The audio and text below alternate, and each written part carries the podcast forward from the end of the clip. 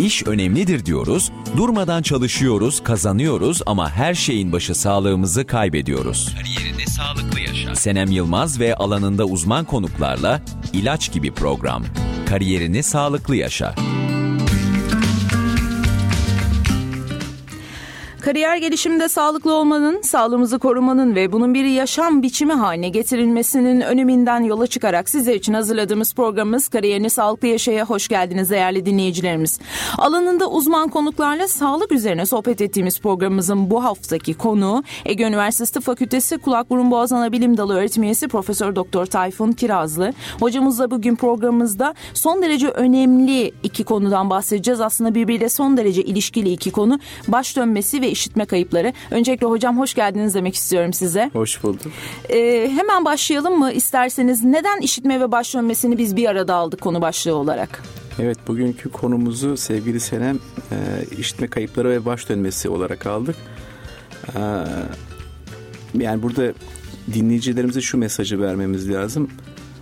Kulak sadece işitme organı değil aynı zamanda denge organı.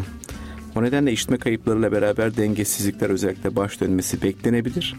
Onun için bugün bunları birlikte değerlendirerek bazı e, açıklamalarda bulunmaya çalışacağım. Yani. Son derece verimli geçecek bir program olacak aslında. Ben de program öncesi hazırlık yaparken bilmediğim çok fazla şey öğrendim. Bugün sizlerin de dinleyicilerimizi bu anlamda çok fazla aydınlatacağınızı biliyorum. Öncelikle ses nedir? Ses frekansı nedir? Bize bahsedebilir misiniz biraz?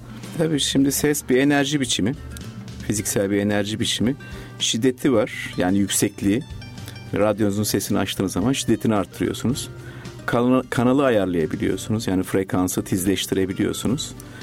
Yani frekans dediğimiz zaman bir sesin sahnedeki titreşim sayısı. Kalın seslerin sahnedeki titreşim sayıları az. İnce seslerin titreşim sayıları sahnede fazla. Tabii insan kulak kulağı her sesi duyamıyor maalesef eksiklerimiz var belki yani filogenetik açıdan milyonlarca yıldır bir takım değişikliklere uğramış olması beklenebilir. Saniyede 16 titreşimde 20 bin titreşimi duyabiliyoruz. Ama da ama doğada 16 titreşimin altında ve 20 bin titreşimin üzerinde de sesler var. Bunu tabii birçok hayvan duyabiliyor. Ee, bizim duymadığımız birçok sesleri. Ama bizim için yani e, işine kaybından söz edecek olursak bu frekanslarda eğer siz e, 2000 frekansa kadar e, bir sesi e, duyabiliyorsanız biz bunu pratik olarak bir işitme kaybı e, kabul etmiyoruz. Yani şöyle söyleyeyim size çok ince sesleri algılamasak bile pratikte doğada bu tip sesler olmadığı için kulağınızda bir eksiklik olsa da sosyal hayatınızın devamına engel olmaz. Ama ideal olan ortalama frekanslar yani konuşma seslerinin olduğu frekanslar ki bunlar 100 125-250 frekanslar kadın erkek sesi. Bunun üst harmonikleri var. Sesi zenginleştiren. Bunlar 2000 frekansa kadar biz şimdi 4000 frekansı da bunun içine dahil ettik. Yani bu frekanslar arasında işitmeniz normalse sosyal hayatınızı devam ettirebilirsiniz. Ama bunun dışındaki seslerdeki kayıplar da olabilir. Örneğin e, kulağa zararlı ilaçlar var. Bu ince seslerin duyulmasını engelliyor. Tabii yaşam kalitesini etkileyen durumlardan bir tanesi de bu ince seslerin duyulmamasıdır. Kişi onu biz tabii fark edemiyoruz. Bu bir subjektif olay. Yani neler algıladığını ama şöyle bir örnek verebilirim. Sadece kalın sesleri duyarsanız sesin, konuşmanın bütününü kaçırabilirsiniz. Hep mesela Cem Yılmaz örneğini veriyorum ben. Orada hiç e, seslileri kullanmadan sadece sessiz harfleri yazarak yani tiz sesleri yazarak konuşmanın anlamlandırılması sağlanabiliyor. Ama içindeki e'yi e, i'yi a'yı duymanız hiçbir şey ifade etmiyor. Konuşmanın algılanmasında ince seslerin de çok önemi var çünkü kapalı heceler dediğimiz bu sürtünmeli sesler S, Ş, T bunlar sese anlam veren fonem diyoruz biz harf olarak halkımız şey yapabilir veya dinleyicilerimiz. Bu seslerin duyulması son derece önemli duyduğunuz yaşla beraber bu eksiklikler başlıyor maalesef. Ve özellikle en büyük sıkıntı yaşlı hastalarımız ince sesleri duymamaya başlıyor. Bu doğal bir süreç. O zaman da etrafınızda görüyorsunuzdur birçok kişi yaşlı hep tekrar ettirir. Etrafta bundan rahatsız olur. Anlamıyorum der çoğunlukla. Anlamama nedenleri işte bu ince frekansları duymaması. Ya yani şöyle bir örnek verebilirim. Bir resme bakıyor puzzle'ları var, eksikler var. İlk anda anlayamıyor. Fakat beyin öyle bir şeyi var ki eksikleri yerine koyuyor. Onun bir manzara resmi olduğunu anlayabiliyor. Kulak da böyle. İlk anda sesi anlayamasa bile e, geçmişteki yaşanmış deneyimlerle beynin böyle bir e, yeteneği var. Eksikleri koyarak telafi ediliyor ama tabi da sosyal hayatta yaşlar açısından büyük sıkıntı oluyor. Ona daha sonra değineceğiz. Sanıyorum Tabii. bu eksikliklerini gidermek için de çeşitli cihazlar kullanılıyor evet, değil mi? Evet. Kişiye özel frekansların ayarlanması süreciyle. Tabii. E, bu işte eksik frekansların telafi edilmesiyle kişinin anlaş konuşmayı anlaş anlayabilmesi yeteneğini arttırmaya çalışıyoruz. Fakat hep ben hastalara şunu söylüyorum gözlük kullanmak kadar kolay değil çünkü çok kişisel farklılıklar var. E, çok modern cihazlar olmasına rağmen işitme cihazı bunlar sesi sadece yani yükseltiyor temelde.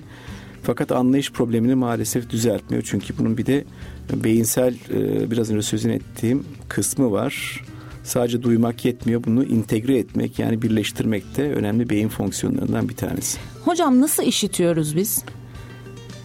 Şimdi temel olarak bu bir sözünü ettiğimiz fiziksel enerji dış kulaktan orta kulağa iletilip bir mekanik enerji halinde önce bir orta kulakta amplifiye, yükseltilmeye uğruyor.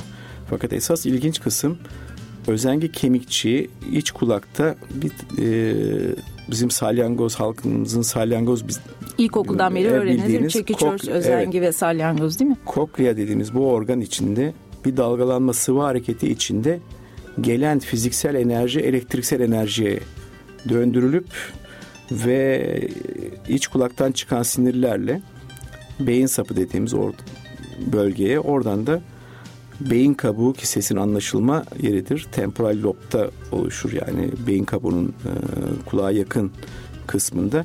Burada anlamlandırılıyor. Fakat tabi bu bir e, enerji gerektiren bir iş. Özellikle iç kulak fonksiyonu. Şimdi ben tabii yıllarım bu işte geçtiği için hayranlık duyduğum bir organdır salyangoz. Birim yüzey açısından vücudun en fazla enerji tüketen organıdır. Yani küçücük bir organ ama birçok organdan çok daha fazla enerji tüketiyor. Bunun da nedeni kendisine gelen ses enerjisini elektriksel enerjisi, enerjiye çevirme becerisi. Böyle özetleyebiliriz. Vay inanılmaz evet. bir şey.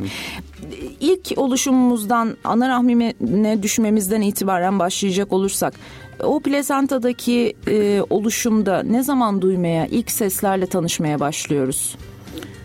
E şimdi tabii takım seslere e, bebeğin tepkileri olduğunu biliyoruz ama genellikle e, bunlar üçüncü trimester dediğimiz yani son dönemden itibaren çok daha fazla e, anlamlanabiliyor. Zaten anne de bu seslerden e, rahatsız olduğunu bebeğin yüksek seslerden hissedebilir.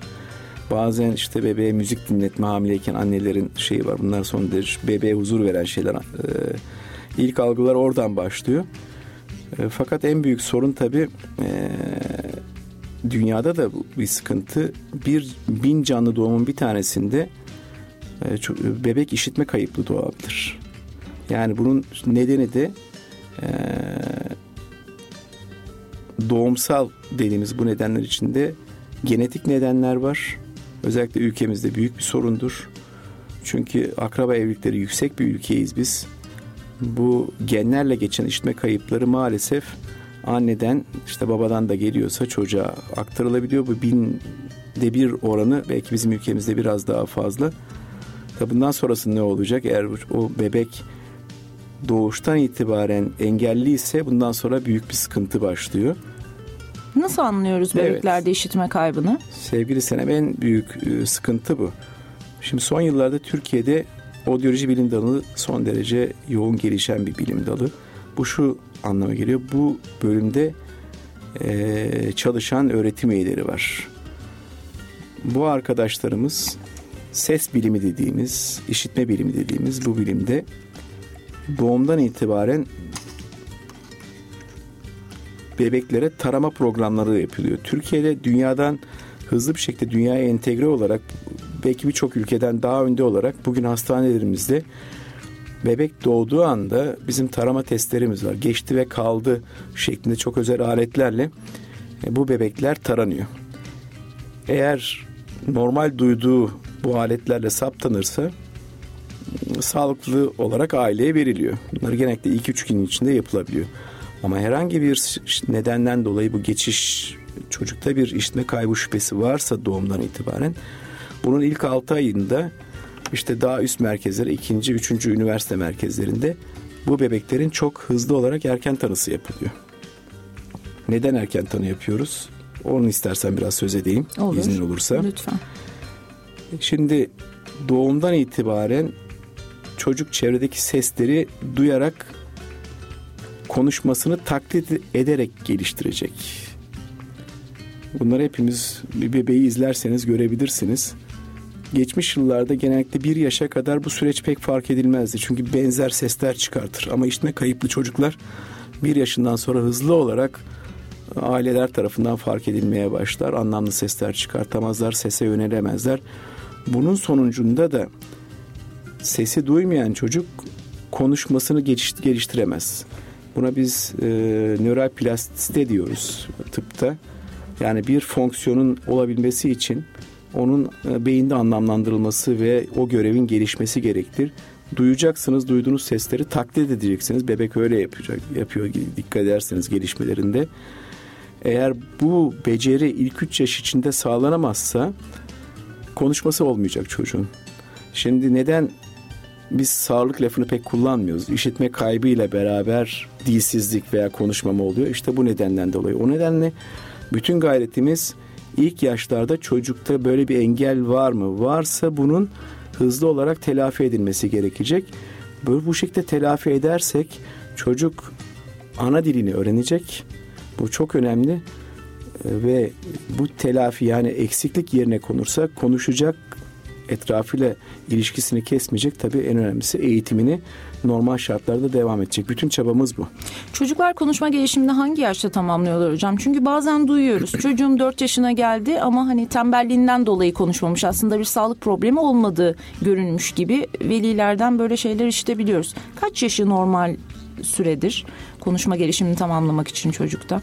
Şimdi ilk iki yaşın sonunda belli bir hece kelime listesinin olması lazım. Bazı anlamlı sesler çıkartılması lazım. Özellikle de e, seslere tepki vermesi gerekiyor. Ya zaten o doğumdan itibaren tepkinin verilmesi beklenir. Şimdi bu bu bu süreç dediğim gibi e, başında durursa e, çok sıkıntılı bir duruma doğru gidilecek. Bunun e, erken saptanıp telafi edilmesi gerekli. Şöyle söyleyebiliriz seslerin beyinde tam anlam, anlamlandırılması artık onun kalıcı olarak yerleşmesi Blue çağının sonuna kadar devam ediyor. Ama bu çok farklı bir durum. Yani siz duyup anlamlandırırsınız ama belli bir yaşta yani daha geç yaşlarda da iki taraflı işitmenizi kaybederseniz gene hızlı olarak konuşmanızı da kaybedeceksiniz. Yani bu süreç uzunca bir süreç. O nedenle 4 yaş işte bizim çocuğumuz tembel e, biraz daha bekleyelim. Bu bugün artık modern tıpta kabul edilen bir durum değil. Bir şekilde o çocuğun elimizde modern tanı araçları var. Çocuğun tepkisine e, fırsat vermeden yani kısa süreli ve anestezi altında e, seslerde kulaklıkla vererek beyinde oluşan elektriksel dalgaları saptayabiliyoruz doğumdan itibaren bu şekilde duyup duymadığını anlay anlayabiliyoruz. O nedenle 4 yaş çok geç bir süre. Biraz önce sözünü ettim. 3 yaşta bu işler bitiyor. Onun için bu işlemlerin hemen yapılması lazım. Dolayısıyla ailelerin çocukların çok iyi bir şekilde gözlemlemesi gerekiyor. Kesinlikle. Göz ardı edilmemesi gereken ciddi sonuçlar doğurabilecek bir durum olduğunu anlıyoruz Zaten burada. şu anda artık biz buna fırsat bırakmıyoruz. Yani bugün tüm hastanelerde bütün çocuklar bu tarama testlerinden geçmek zorunda şüpheli olanların hepsi takip edilmek durumunda. Bu iyi bir nokta ve bunlar erken saptanıyor artık. Ama tabii halen de e, bunu ciddiye almayan maalesef aileler çıkabilir. Peki işitme kaybı kaç çeşittir hocam? Şimdi biz işitme kayıplarını ikiye ayırıyoruz. Bir tanesi biraz önce sözünü ettiğimiz dışarıdan gelen akustik yani fiziksel enerjinin orta kulakta yükseltilmesi bu mekanik bir kısım. Kemikçikler işte çekiç örsü özengi bunlar hepimizin kulak sarı. Bu özen kemikçiğinin salyangoza yapıştığı yere kadar olan işitme kayıplarını biz iletim tipi işitme kayıpı olarak anlamlandırıyoruz.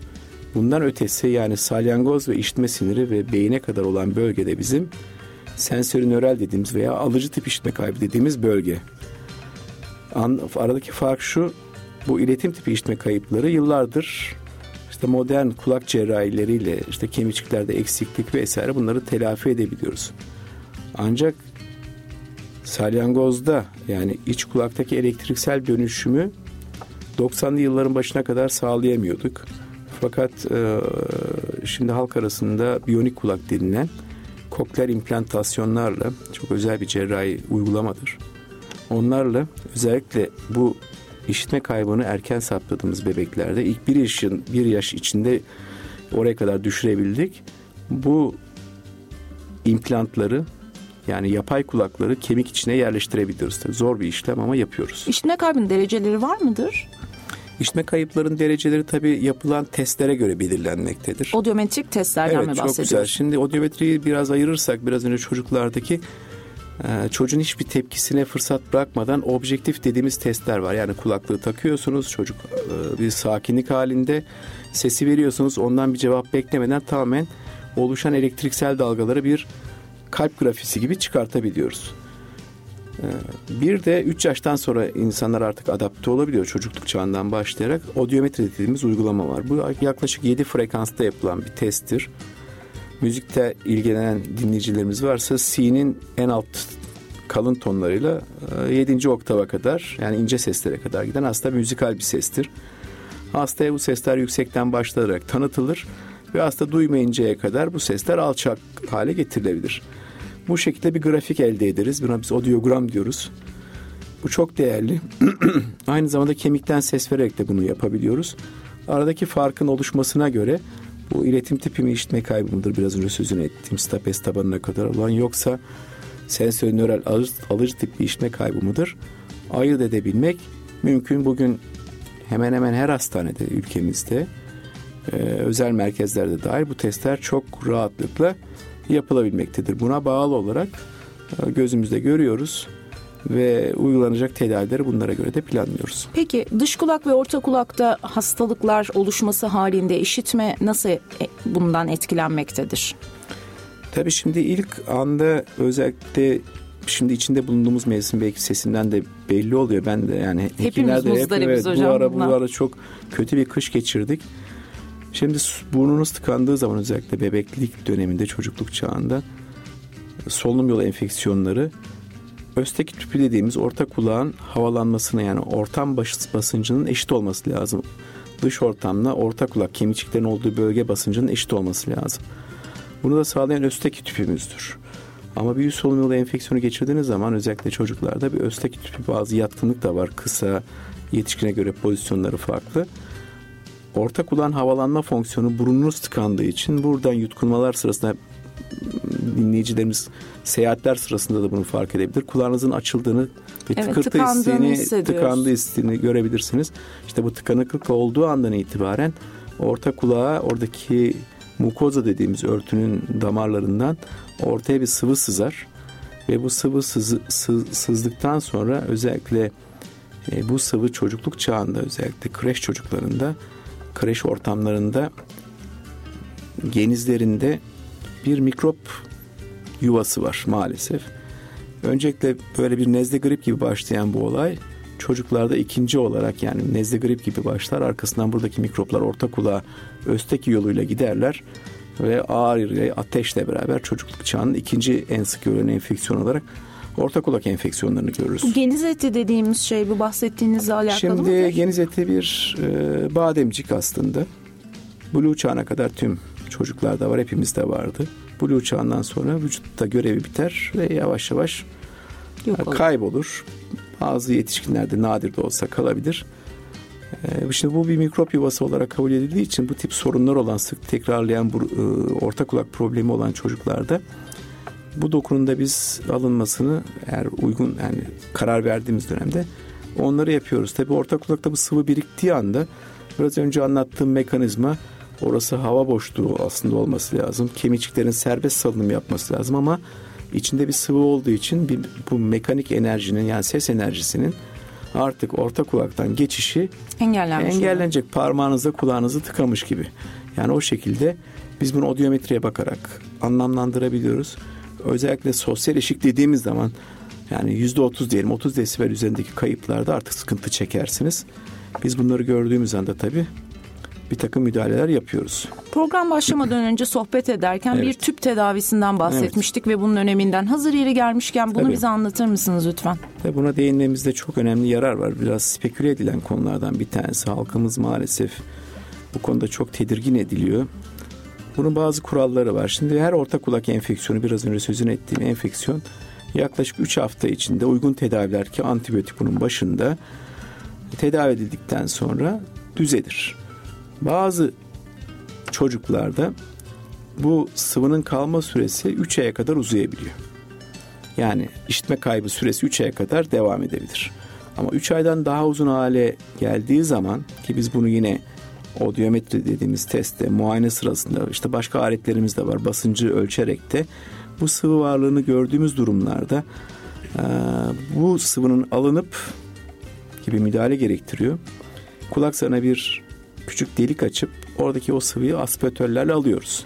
Şimdi kulak zarı çok ilginç bir yapısı var dış kulak yolunda. Kendini hızlı olarak kapatır. Bir ilerleyici örtüsü vardır. İşte kulak kirini de dışa doğru sürekli olarak atar. Bu müdahaleyi yaptığınız zaman 72 saat içinde açtığımız delik kapanır. Tekrar sıvı toplanması olabilir. Bu havalanmanın geniz yoluyla yani östek yoluyla olmadığını düşündüğümüz durumlarda bu deliğin kapanmaması için içine plastikten bir makaraya benzer mikroskopik yani küçük yani yaklaşık 1-2 milimetrede geçmeyen e, tüpler koyuyoruz.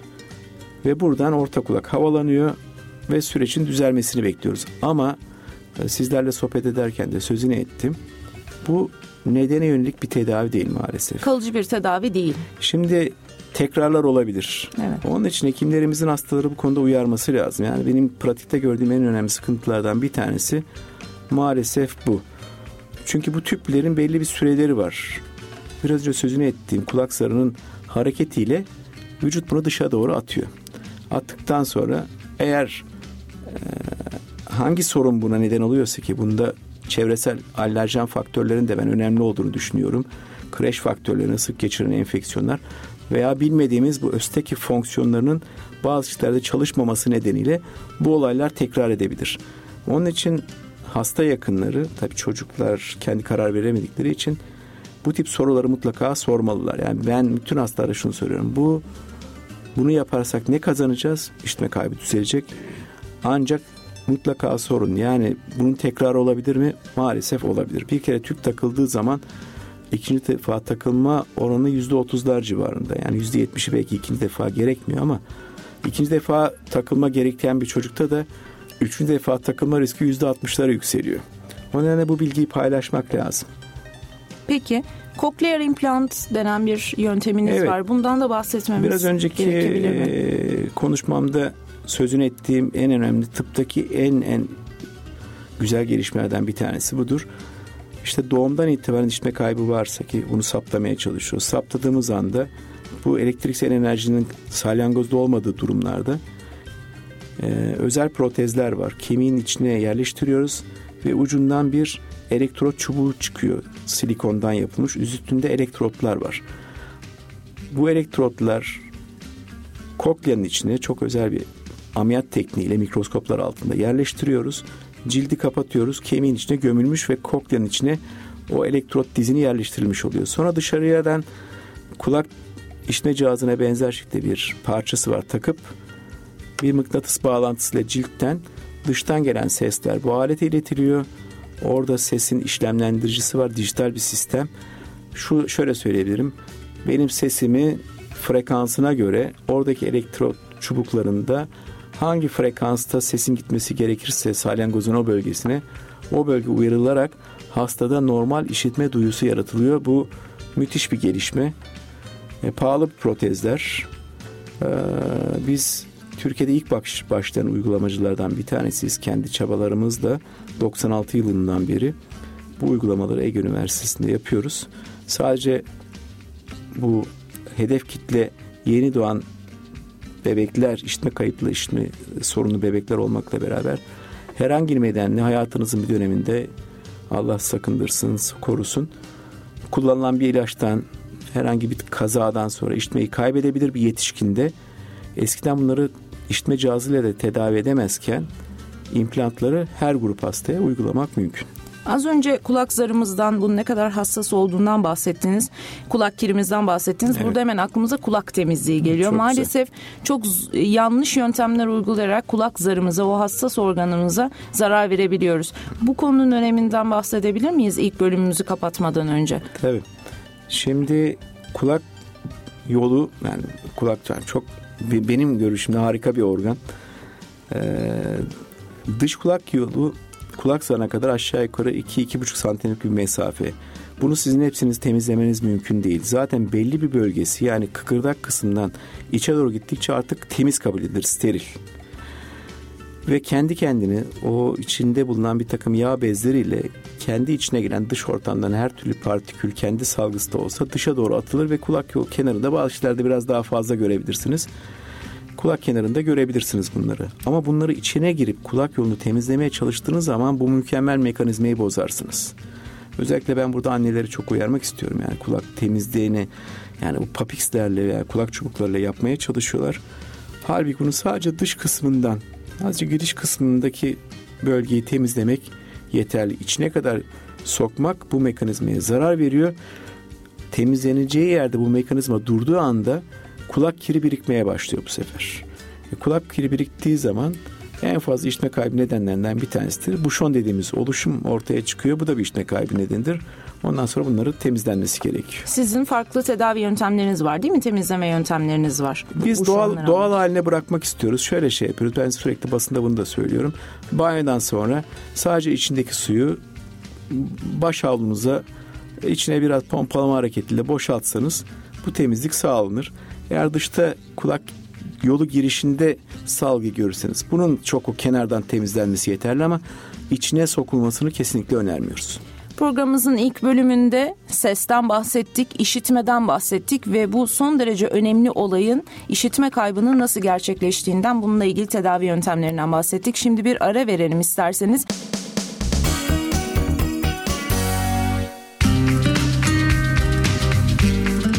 Değerli dinleyicilerimiz programımızın ikinci bölümüne hoş geldiniz. Profesör Doktor Sayın Tayfun Kırazlı ile ilk bölümümüzde sesten, işitmeden ve işitme kayıplarının öneminden ve tedavi yöntemlerinden bahsettik. Şimdi ikinci bölümümüzde vertigodan bahsedeceğiz ama buna başlamadan önce nasıl dengemizi sağladığımızı öğrenmek istiyorum. Evet sevgili Senem şimdi bu da kulağın önemli bir fonksiyonu yani duyma kadar önemli. Çünkü e, dengenin sağlanması belki sizler fark etmiyorsunuz şu yaşlarda gençlik gençliğin olduğu dönemde. Ama vücudun en fazla en çabuk yıpranan yapılarından bir tanesidir dengenin sağlanması. Şimdi etrafınızda yani ben şimdi dikkati ona çekeceğim. 60 yaş üstündeki kişilerin yaklaşık üçte biri düşüyorlar. Bunların yaklaşık yüzde onu çok ciddi etkileniyor ölümlerde dahil işte kalça kırıkları vesaire. Bu da dejenere yani yıpranan bir e, yapısı var denge sistemimizin de ve her yıl kaybediyoruz yaş aldıkça. Bunda üç tane sistem var. Bir gözlerimiz. Yani çevreden algımızın sağlanması. İki derin duyu dediğimiz kaslarımız, tendonlarımız ve bunlar beyne ve beyinciye sürekli mesajlar götürüyorlar. Yer çekimiyle, etraftaki baskısıyla ama en önemlisi iç kulakta salyangoza bağlı yarım daire kanallarımız var. Bu yarım daire yani sağda solda yarım gibi görülen bu kanallar aslında sağ solda bir araya getirildiği zaman tam bir daireyi oluşturur. Ve içinde sıvı hareketi var bir jiroskop gibi yani siz sağdan sola dönerken bir taraftaki sistem uyarılır dönüş hareketinde bir taraftaki sistemde e, uyarılar azalır. Ya bu şekilde bir duvar terazisi gibi e, uyarılar. Ne kadar hassas bir Tabii aynen bir terazi gibi beyinciye ve üst merkezlere uyarılar gider ve siz de beyin de organizmanın hareket ettiğini, döndüğünü varsayar ve buna göre postür dediğimiz kas tonusunu e, düzenler ve dengemizi sağlarız gözlerin de yardımıyla. Ama bu sistemlerden bir tanesi herhangi bir hastalık nedeniyle örneğin bir yarım yani bir, bir iç kulak denge sistemi devre dışı kaldığı zaman bu şu anlama gelir. Oradan hiç uyarı gitmez. Ama karşı taraf siz hareket etmeseniz de hiç hareket etmeseniz de normalde bu sistem karşılıklı çalıştığını söyledim. İtme çekme gibi. Ama bir tanesi hiç çalışmadığı anda karşı taraf itiyormuş gibi üst merkezlere sürekli bilgi gönderir. Bu da şu demektir. Bir yanılgı hissiniz oluşur. Halüsinasyon dediğimiz. Aslında siz hareket etmeseniz de beyin ve beyincik sizi hareket ediyormuş gibi algılar ve ona göre tepkilerine başlar. Çok ne tehlikeli yapar? bir durum aslında. Şu, bu an, şu anlama geliyor. Gözlerimizin hareketleri de bu merkez tarafından kontrol ediliyor ve buna bağlı olarak siz dönmeseniz bile dönüyormuş hissine kapılacaksınız. İşte baş dönmesi dediğimiz gerçek baş dönmesi. Çevreye bakamazsınız çünkü çevre aynen bir sinema şeridi gibi gözünüzün önünden hızlı olarak Yer kayar. ayağımızın altından kayıyormuş Tabii hissi de oluyor. bir de bir taraflı kas tonüsü azaldığı için düşersiniz. Ve şiddetli bir uyarı başlar bu merkezlere giden yani e, bir taraf fazla uyarıl bir taraf hiç uyarmadığı için ve beyin sapında bunların birleştiği yerler var. Çekirdekler ve komşu çekirdekler var. Biz e, tıpta işitme sinirini 8. sinir olarak nitelendiriyoruz. Bunlar ise 12 tanedir kafa çifti. 10. kafa çifti de vagustur. Sindirim sistemi hareketlerini düzenler. O nedenle bu şekilde aşırı uyarımların olduğu hastalık nedenli durumunda başınızın dönmesiyle beraber bu sindirim sisteminde uyarılmasına bağlı olarak bulantı kusma hissi de yaşarsınız. Evet onu soracaktım ben de. Çok Evet. fazla tepki olarak bunu vücudumuzdan alıyoruz. Başımız döndüğünde ya da herhangi tansiyonla ilgili bir problemimiz olduğunda direkt bulantı hatta kusma şeklinde kendini gösterebiliyor değil mi? Baş dönmesi, bulantı kusma birlikte ve bu çoğunlukla bize iç kulak kökenli bir e, durumu anlatır. Bir de işitme kaybınız eklendiyse varsa zaten biz hemen onu sorarız. Baş dönmesiyle beraber işitme kaybınız var mı?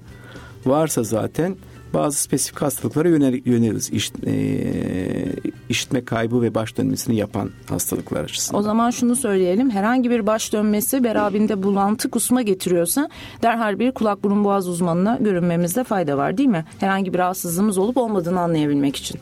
Şimdi tabii burada genellikle acil servislere bu başvurular yapılıyor. Çoğunlukla yapılması gerekiyor. Çünkü rahatsız edici bir durum. Hasta bu uyarılmayla beraber tansiyonun düşüklüğü, bulantı kusma ile beraber ölüm hissi yaşar. Bu kötü bir durumdur. Tabii burada hemen ek şeylere bakılması lazım. Acil serviste bunlar zaten acil servis hekimleri tarafından ilk aranan bulgular değerlendirilir. Bunlardan bir tanesi işitme kaybı varsa bunun iç kulak kökenli olduğu muhtemeldir. Böyle hastalıklarımız var. Ancak bu sadece baş dönmesi bulantı kusmayla gelip %10-20 hastada santral nedenli baş dönmesi dediğimiz durumlar var. Bunlar çok tehlikeli. Özellikle bunlar beyincik ve beyincikte kansızlık ve beyincik kanamaları dediğimiz gibi posterior fossada olan lezyonlardır. Bunlar nadir de olsa tek başına baş dönmesi yaparlar ama hemen aramamız gereken noktadan bir tanesi çift görmesi var mı? Konuşmada güçsüzlük var mı? Ee, bir güç kaybı vesaire bunlar var? Bunlar hızlı olarak değerlendirilir. Bir de göz hareketlerine bakarak bizim nistagmus dediğimiz hasta istemsiz olarak bu olaylarda gözlerinin kontrol edemez hareketini. Biz bunlara bakarak bu olayın e, daha ciddi bir olay mı? Yani ciddiyetten kastım şu hepsi tabii hastalık olarak ciddi ama hayatı tehdit eden durum santral dediğimiz olaylardır. Bunları biz hızlı olarak acil serviste gerekirse hemen görüntüleme yaparak ki en hızlı tomografi yapılmakta. Fakat maalesef tüm bunları yapmanıza rağmen bu kanamalar, iskemi dediğimiz durumlar, beyinciye ait durumları saptamayabilir bu görüntüleme yöntemleri. Bunu da bilmek lazım. 72 saat sonra karşında çıkan durumlar var ama genellikle bu tablolar 24 saat içinde kendini belli eder. ENG testi uyguluyorsunuz değil mi? Evet. Vertigoyu saptayabilmek için. Bundan bahsedebilir miyiz Şimdi biraz? ENG'nin kısaltılmış bir tanımlama elektronistagmografi dediğimiz bir test. Bu baş dönme sırasında olan istemsiz gö- göz hareketlerinin aynen gene biraz önce sözünü ettiğim işitme nasıl değerlendiriliyorsa bu göz hareketleri de hastanın herhangi bir tepkisi olmadan biz bunu bir kayıt sistemiyle görsel hale getirebiliriz objektif dediğimiz yöntemle ve bu nistagmusun nasıl bir nistagmus olduğunu da saptayabiliriz. Ama bu çok gerekli bir test değil her zaman. Çoğunlukla daha geç dönemlerde yapıyoruz bu testleri. Yani hasta bizim için akut dediğimiz akut vertigo hemen yani e, birkaç saat içinde olmuş acil servise gelmiş. İlk yaptığımız test bu değil. Ama biraz önce değerlendirme göz hareketlerine biz nistagmus aramasını mutlaka çıplak gözle de yaparız. Daha sonra nistagmografi özellikle video dediğimiz göz hareketlerini görerek de yaptığımız testler var. Fakat bunlar tanıda aslında tanı koydurucu testler değil. Kafamızdaki tanıyı destekleyici testler. Çok enteresandır. Baş dönmesi sadece hastayla konuşarak tanı koyabileceğiniz hastalıkları içeren bir yapısı vardır. Biz e, bizim nasıl tanı koyuyoruz hazır yeri gelmişken hastayla konuşarak baş dönmesi tanısını nasıl Şimdi koyuyorsunuz? Şimdi sevgili Senem en önemli noktalardan bir tanesi baş dönmesinin süresi. İlk soru böyle başlaması lazım. Baş dönmesi ne kadar sürdü? Şimdi saniyelik dediğimiz baş dönmesi atakları var. Saniyelik. Özellikle bunlar hasta sabah yataktan kalkarken başlar ve çok ciddi olarak hastayı sarsar. Ama hasta hareketsiz kaldıktan sonra düzelir. Bu biz seninle programın önce de konuşurken bu halkın kristal Evet bu kristallerim yerinden oynamış evet. gibi bir halk arasında tabiriniz var. Ne demektir kristallerin yerinden oynaması? Şimdi e, bu sahnelik baş dönmesi nedeninin yapan bu kristaller gerçekten. Bu bir tortu, iç kulakta oluşan bir tortu. Baş dönmesinin en sık nedeni budur. Yüzde yirmi beş. Yani dörtte bir hastada acil serviste gelen hastada bunu biz görüyoruz. Bu şu demek iç kulakta sözünü ettiğim salyangozdaki bu sıvı hareketi ve denge kanallarındaki sıvılar saf berrak sıvılar. Fakat bilmediğimiz nedenlerden dolayı travmaların etkisi olduğu düşünülen durumlar var. Bu berrak sıvı içinde e, bir kalsifikasyonlar, yani kristal gerçekten bir tortu oluşuyor. Ve bu tortu siz hareket ettiğiniz zaman aynen şöyle bir örnek veriyorum. Bir şişenin dibinde tortu var. Çevirdiğiniz zaman nasıl o şişe bulanır? Sonra belli bir süre sonra çöker. O çöküş süresince iç kulakta bir hareket algısı oluşturur. Hangi kanalı etkiliyorsa en çok posterior kanal dediğimiz durumu etkiler. Ve biz bunu hastaya özel bir pozisyon vererek muayenelerimizin rutin muayeneleri içinde var. E, pozisyon testleri dediğimiz hastanın başına o kanal uygun testler vererek hastayı o pozisyona getirdiğimiz zaman bu tortuyu provoke ederiz, uyarırız ve gözlerindeki bu nistagmus, özel bir nistagmus formu var ve onu ararız. Bulduğumuz anda hemen tedavisine başlarız. Özel bir fiziksel tedavi yöntemi var.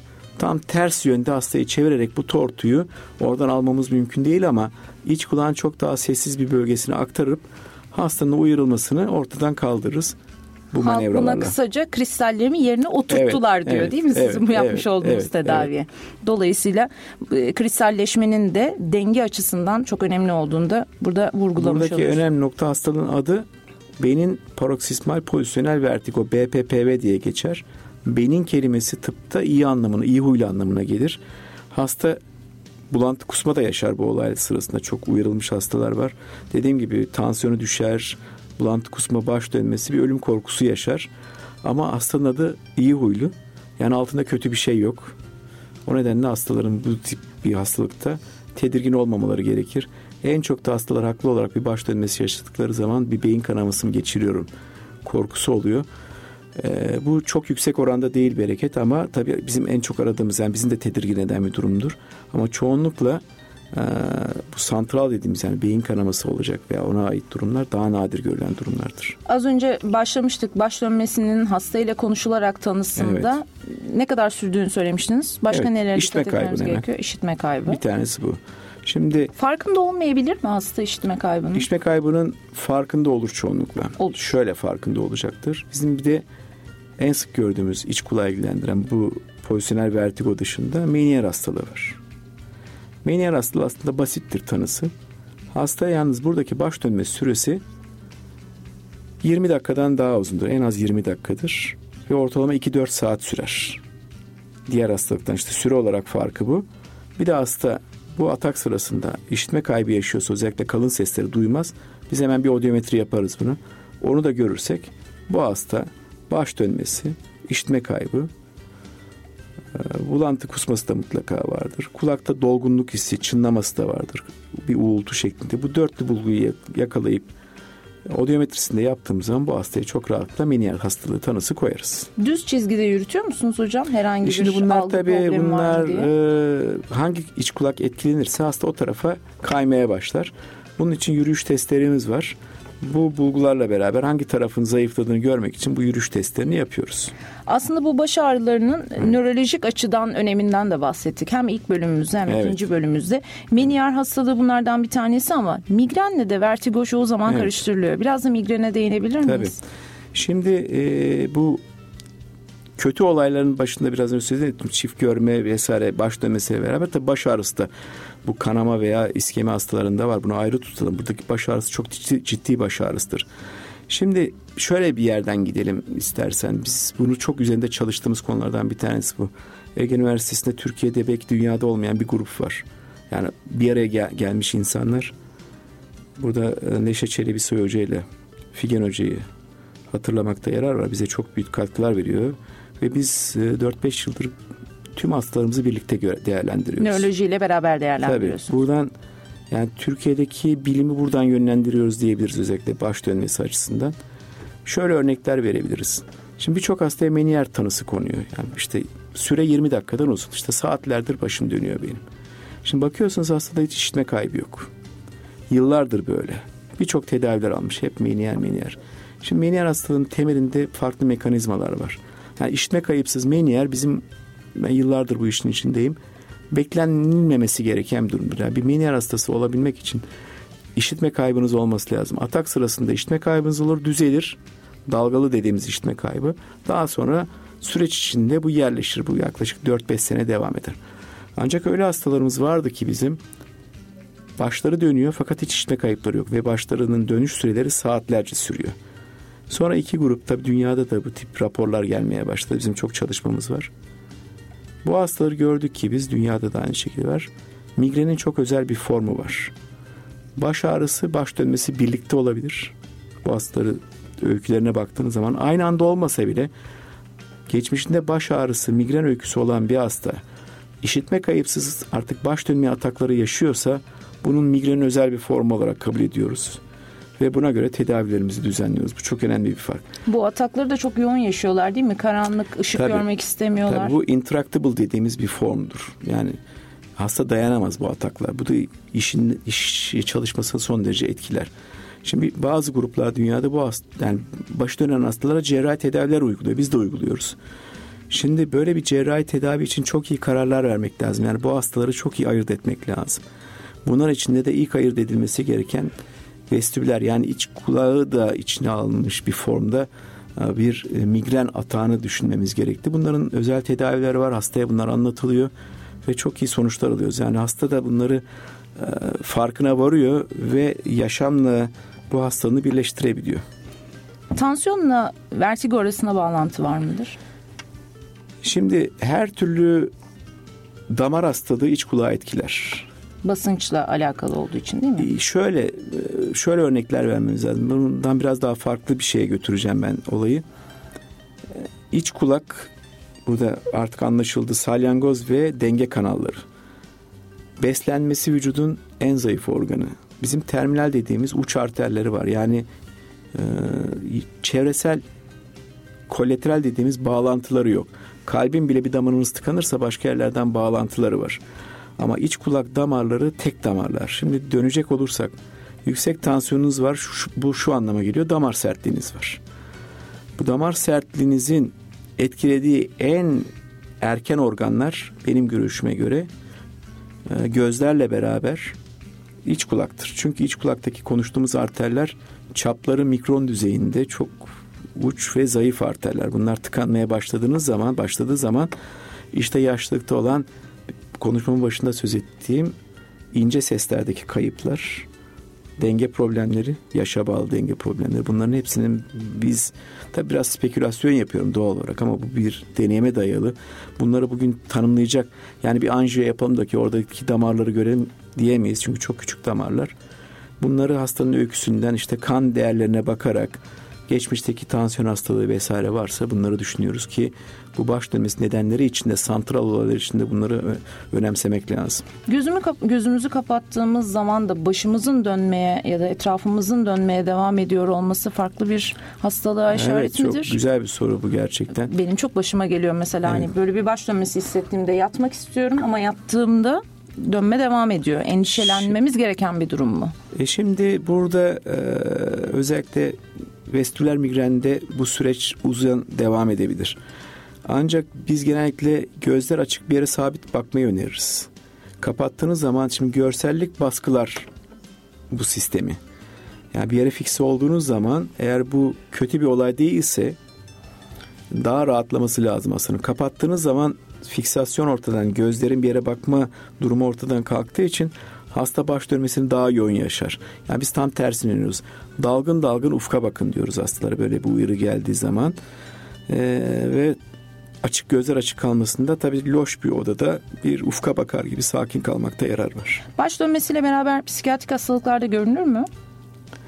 Ya da baş dönmesinin psikiyatrik anlamda bir etkisi var mıdır? Şimdi aslında baş dönmesini şöyle de bir yöne ayırmamız lazım. Biz konuştuğumuz bu olaylar hep objektif olaylardı. İşte meniyer hastalığı, pozisyonel vertigo vesaire. Şimdi vestibüler migreni de bu işin içine katacak olursak dizines dediğimiz bir durum var ve sersemlik hissi, bir sarhoşvari olan durum, ayağının boşa gitmesi gibi. Bu gerçek bir vertigo değil. Genellikle vestibüler migrende beklediğimiz hastanın yaşadığı ayağın boşa gidiyor. Hep başında bir ağırlık varmış gibi tanımlar. Başımı kaldıramıyorum. Evet, bu bu dizines dediğimiz bir durumdur. Ee, bunun e, diğerlerinden işte gerçek vertigodan çok iyi bir şekilde e, ayırt edilmesi gerekiyor. E, psikojen olanlarda bunlar daha ön plana çıkıyor. Şöyle de bir örnek verebiliriz. Aslında bütün konuştuklarımızın ilk sırasına bunu koyabiliyoruz ama biz her şeyden önce bir gerçeği arıyoruz. Yani neden baş dönmesi? Bir, herhangi bir şey bulamazsak bu yöne yöneliyoruz. Fobik postürel vertigo dediğimiz bir durum var. Fobik korku anlamına geliyor. Mesela hayatınızda bir tane pozisyonel vertigo hata geçirdiniz. Yani kristaller uyardı. O korkuyla yaşayan çok insan var. Panik atak hastaları buna örnek verilebilir mi? Şimdi zaten panik atak bunun içinde bir durum. Yani hep bu başıma gelecek bu korku. Korku şunu anlama geliyor. Solunumun hızlanması.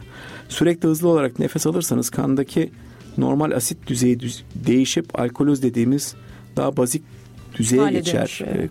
Kan e, yapısı ve bu alkoloz dediğimiz durum bir baş dönmesi nedenidir. Diziniz nedenidir. Yani aşırı solunum yaparsanız, aşırı hızlı solunum yaparsanız zaten arkasından kaçınılmaz olarak başınız dönecektir alkoloza girip. Bu da zaten e, panik atağın temelinde olan mekanizmalardan bir tanesidir. Hayatımızı olumsuz yönde etkileyen ve bu kadar e, yansımaları olan baş dönmesini yani vertigoyu nasıl tedavi ediyoruz?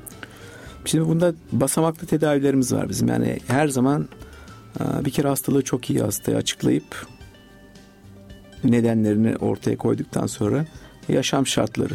Özellikle miniyer hastalarında dikkat ettiğimiz migren hastalarında da var. Genellikle bunlar çok titiz, mükemmelliyetçi kişiler. Yani biraz hayatı daha rahat algılama. Tabi bu bizim aslında branşımız değil ama yani biraz daha canlı yaşamı öneriyoruz. Yani hareketli yürüyüşler vesaire, beslenmeleri. Onun dışında eğer bunlar kafein tüketimini azaltmaya çalışıyoruz ama şimdi kafein bizim literatürde yani kaynaklarda önerilir. Şimdi bizde tabii Amerika'daki gibi bir yoğun kahve tüketimi yok. Yani Amerikalıları biliyorsunuz yani böyle büyük bardaklarda günde çok yoğun tüketiliyor. Ben orada bulunduğum sürede ilk öneri budur. Yani kahve tüketimini azaltın. Biz de bir miktar azaltıyoruz ama bizim kahvelerimiz yani hastaya keyif veren şeyler. Eskisi kadar çok tutucu değilim o konuda.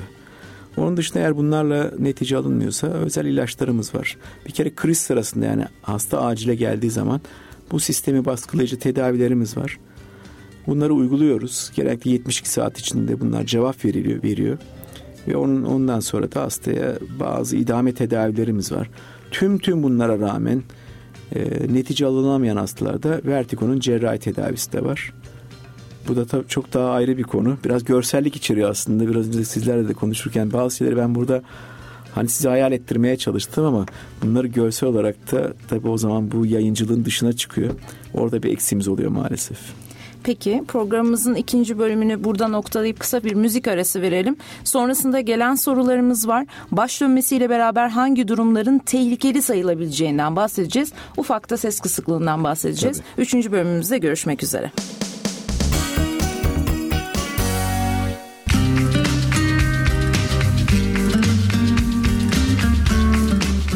Değerli dinleyicilerimiz programımızın 3. bölümüyle tekrar karşınızdayız. İlk bölümümüzde anımsayacağınız gibi sesten, işitmeden ve işitme kaybından bahsetmiştik. Aslında birbiriyle son derece dengeli olan bir diğer durum denge organımız kulağımızla alakalı olarak. ikinci bölümümüzde dengenin nasıl oluştuğundan ve vertigodan bahsettik. Şimdi üçüncü bölümümüzde geçtiğimiz bölümleri atıfta bulunarak son derece önemli bir noktaya değinmek istiyoruz. Baş dönmesiyle beraber hangi durumlar oluşursa bizim için alarm durumundadır. Evet biraz önce konuşmanda da belirttim. Baş ağrısı varsa çok şiddetli, çift görme, konuşmada güçlük varsa e, bunu çok e, ciddiye almak lazım. E, bu üçlü belirti özellikle yani konuşma güçlüğü, çift görme, baş ağrısı, baş dönmesi birlikte ise bu özellikle hasta bir komorbid durum varsa, yüksek tansiyon hastasıysa bunda çok santral dediğimiz ciddi problemler, santral baş dönmesi olayı karşımıza çıkabilir. Onun dışında bu bulgular ek, ekinde yoksa hastanın biraz daha rahat olması beklenir. Migreni olan hastalar için de az önce bahsetmiştik. Sabit bir yere bakıp değil Genellikle mi? tüm hastalarda yani iç kulaktan kaynaklanan tüm hastalarda ufka dalgın olarak bakmaları atak sırasında e, önerdiğimiz bir şey. Yani gözleri kapatmaktan daha çok sakin bir sessiz bir yerde beklemekte yarar var. Şimdi aklıma geldi. Aslında ilk bölümde neden sormadım diye düşündüm. Biz maalesef genç nesil olarak bizim zamanımızda da öyleydi ama şu anki nesilde de görüyoruz. Kulaklıklarla ve özellikle de işte telefonla ilgili hep kulaklıktan şeyler dinleme ve yüksek volümde dinleme durumundayız. Bu işitme kaybına neden olur mu? Çok Şimdi, yüksek düzeyde sese maruz kalmak. Şimdi bizim belli bir sınırımız var. 90 desibel dediğimiz bir sınır. Sınır bunda ma yani o şiddette kalma sürenize bağlı olarak değişebiliyor. Şimdi siz 90 desibelde ancak yarım saat kalabilirsiniz.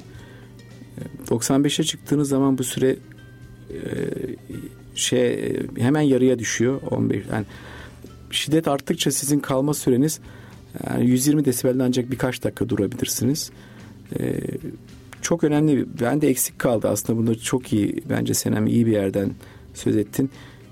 Yüksek volümlü ses dinlemek sonuçta kulak sağlığı, işitme sağlığı için son derece zararlı.